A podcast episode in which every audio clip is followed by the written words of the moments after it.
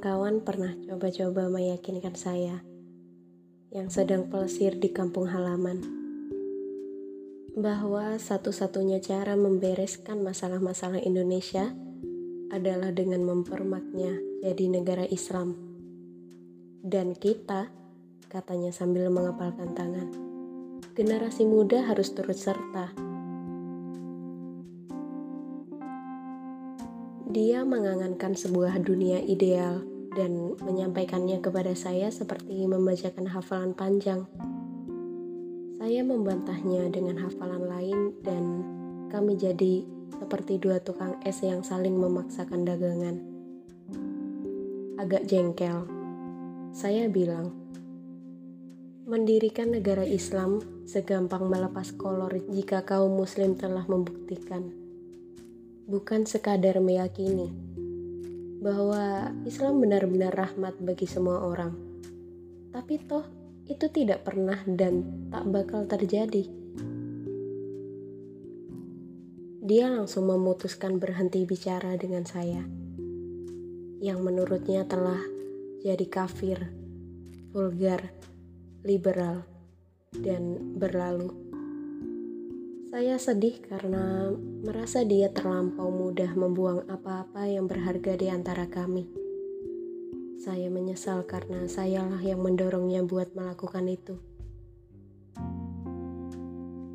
Kami sekelas pada tahun pertama di SMA. Saya termasuk dalam rombongan yang bergantung pada uluran tangannya dalam pelajaran-pelajaran ilmu alam. Dia juara Olimpiade Biologi Nasional tingkat pelajar SMP kami memilih jurusan berbeda.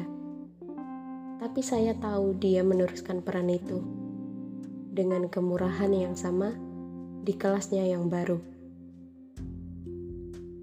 Tamat sekolah, saya pergi ke Yogyakarta dan dia tetap di kampung.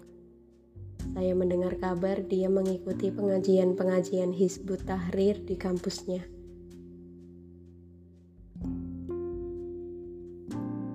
Kadang, setelah perpecahan itu, saya teringat pagi ketika kami menengok kebun sayur kecil milik orang tuanya.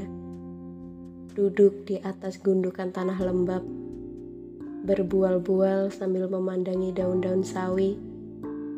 Kami kira akal kami merupakan jari-jari terampil yang siap mengurai soal-soal gawat dunia kapan saja.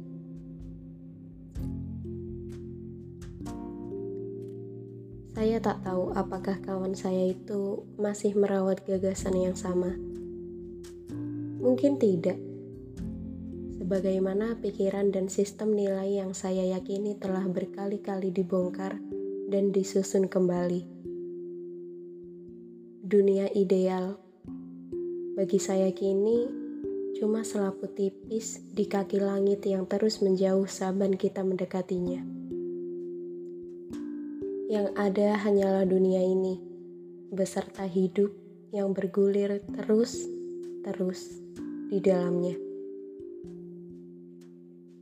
Namun, seandainya obrolan kami terulang, saya takkan berbantah-bantahan lagi dengannya. Ia boleh coba-coba menjejalkan kegawatan jenis apa pun dan saya bakal mengingatkannya kepada kegembiraan-kegembiraan kecil yang kami miliki bersama. Saya akan membicarakan penampilannya dalam liga sepak bola antar kelas bertahun-tahun lalu, di mana dia bermain seperti Ronaldinho dan berpakaian seperti kue jongkong, atau membicarakan kawan-kawan kami Komarudin yang kelewat memuliakan tamu sampai-sampai ada ungkapan kekal dalam lingkar pergaulan kami. Memangnya ini rumah komar, ha? Buat memperingatkan manusia-manusia yang melampaui batas dalam bicara kotor atau menggasak isi kulkas dalam bertamu. Saya tak membenci apalagi memusuhi narasi-narasi besar di kantor, tempat saya menghabiskan sebagian besar waktu, ada banyak tukang capruk kelas pagi, ketemu pagi, dan kami membahas urusan-urusan itu hampir setiap hari. Yang saya hendak elakkan cuma parasit yang kerap menempel di punggung topik-topik besar itu. Ialah pembicaraan tentang dunia ideal. Dunia ideal bisa berwujud apa saja. Surga, negara teokratik, masyarakat tanpa kelas, komune mualaf Richard Dawkins sedunia, alam raya yang terbuat dari kue apem, apa saja, selama ia menjanjikan kehidupan yang baik, bukan dunia yang kita diami saat ini, dan tak bercacat bagi orang-orang yang mengidamkannya.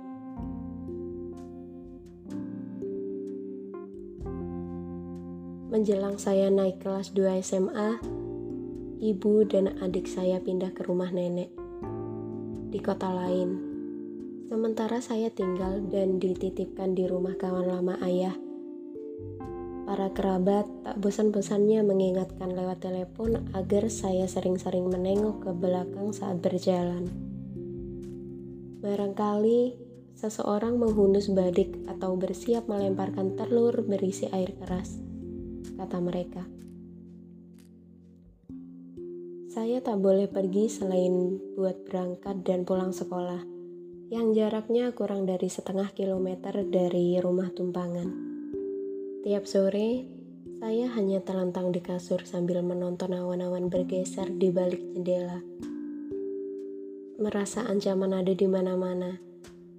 Saya mudah marah dan sukar tertawa. Saya meninju jidat kawan sekelas yang menjadikan saya bahan olok-olok Padahal dia orang yang ceria dan lumayan lucu. Dan bapaknya tukang bakso. Dalam situasi lain, saya yakin kami bakal terpingkal bersama. Bertahun-tahun kemudian, saya baru sadar bahwa saat itu pun sebenarnya hidup tak melulu buram. Keluarga yang menampung saya Bapak dan Ibu Robani beserta anak-anak mereka mengasihi saya seperti darah daging mereka sendiri. Kawan-kawan dekat, termasuk orang yang saya ceritakan di awal, mencurahkan perhatian tulus dengan cara mereka masing-masing. Pacar, baiklah, tidak ada pacar tapi beberapa teman perempuan bilang saya adalah murid laki-laki paling tampan di kelas kami. Dilihat dari sisi mana pun, itu pujian yang mewah buat seorang remaja murung yang kegemukan.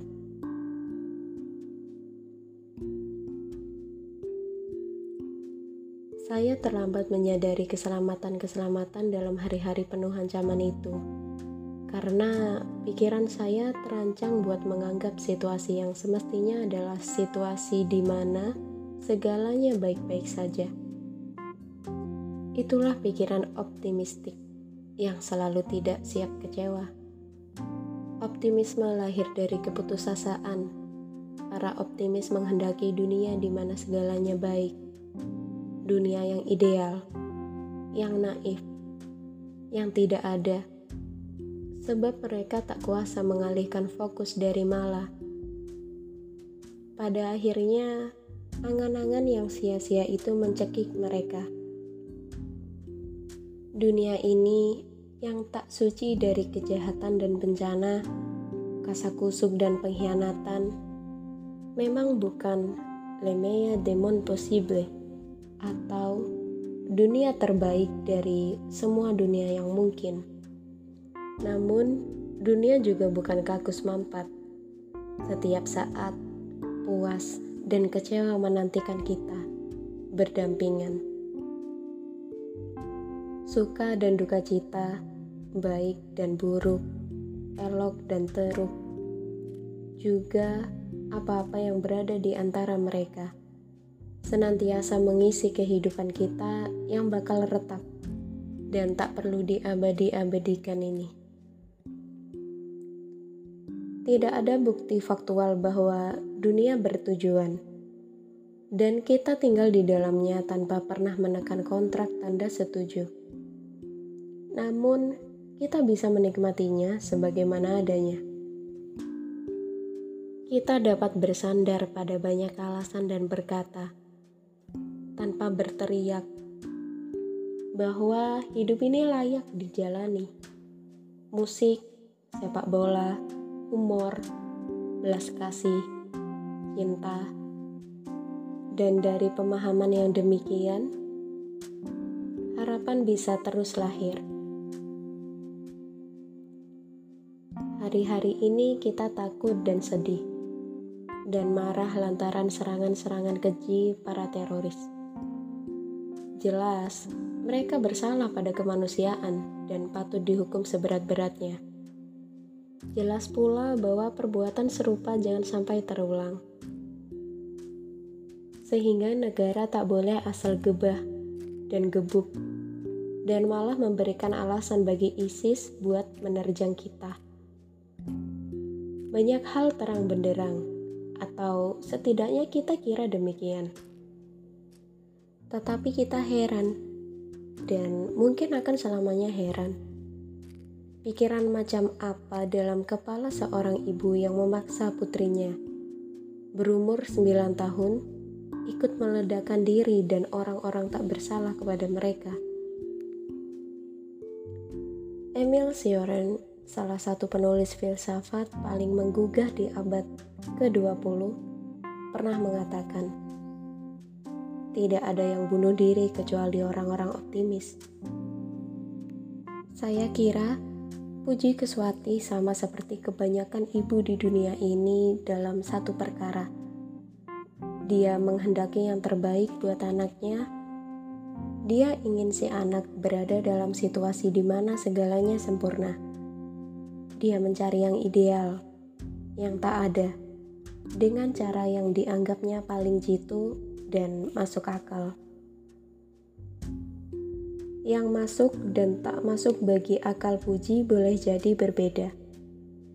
Sehingga apa-apa yang dia lakukan pada 13 Mei pun berbeda. Andaikan dia tak putus asa terhadap dunia ini. Kalau tak putus asa, dia pun bisa mengingat perasaan-perasaannya ketika mendengar kata pertama yang diucapkan putrinya ketika tahu bahwa dirinya mengandung, ketika jatuh cinta buat pertama kali, dan ketika dia dengan muka berlumuran bedak bermain lompat tali dengan kawan-kawannya di teras rumah. Sementara ibunya berseru-seru dari dalam. Hati-hati nak, hati-hati. Jangan sampai jatuh. Dan bersandar pada semua itu, menyadari bahwa hidup begitu indah dan hanya itu yang dia punya.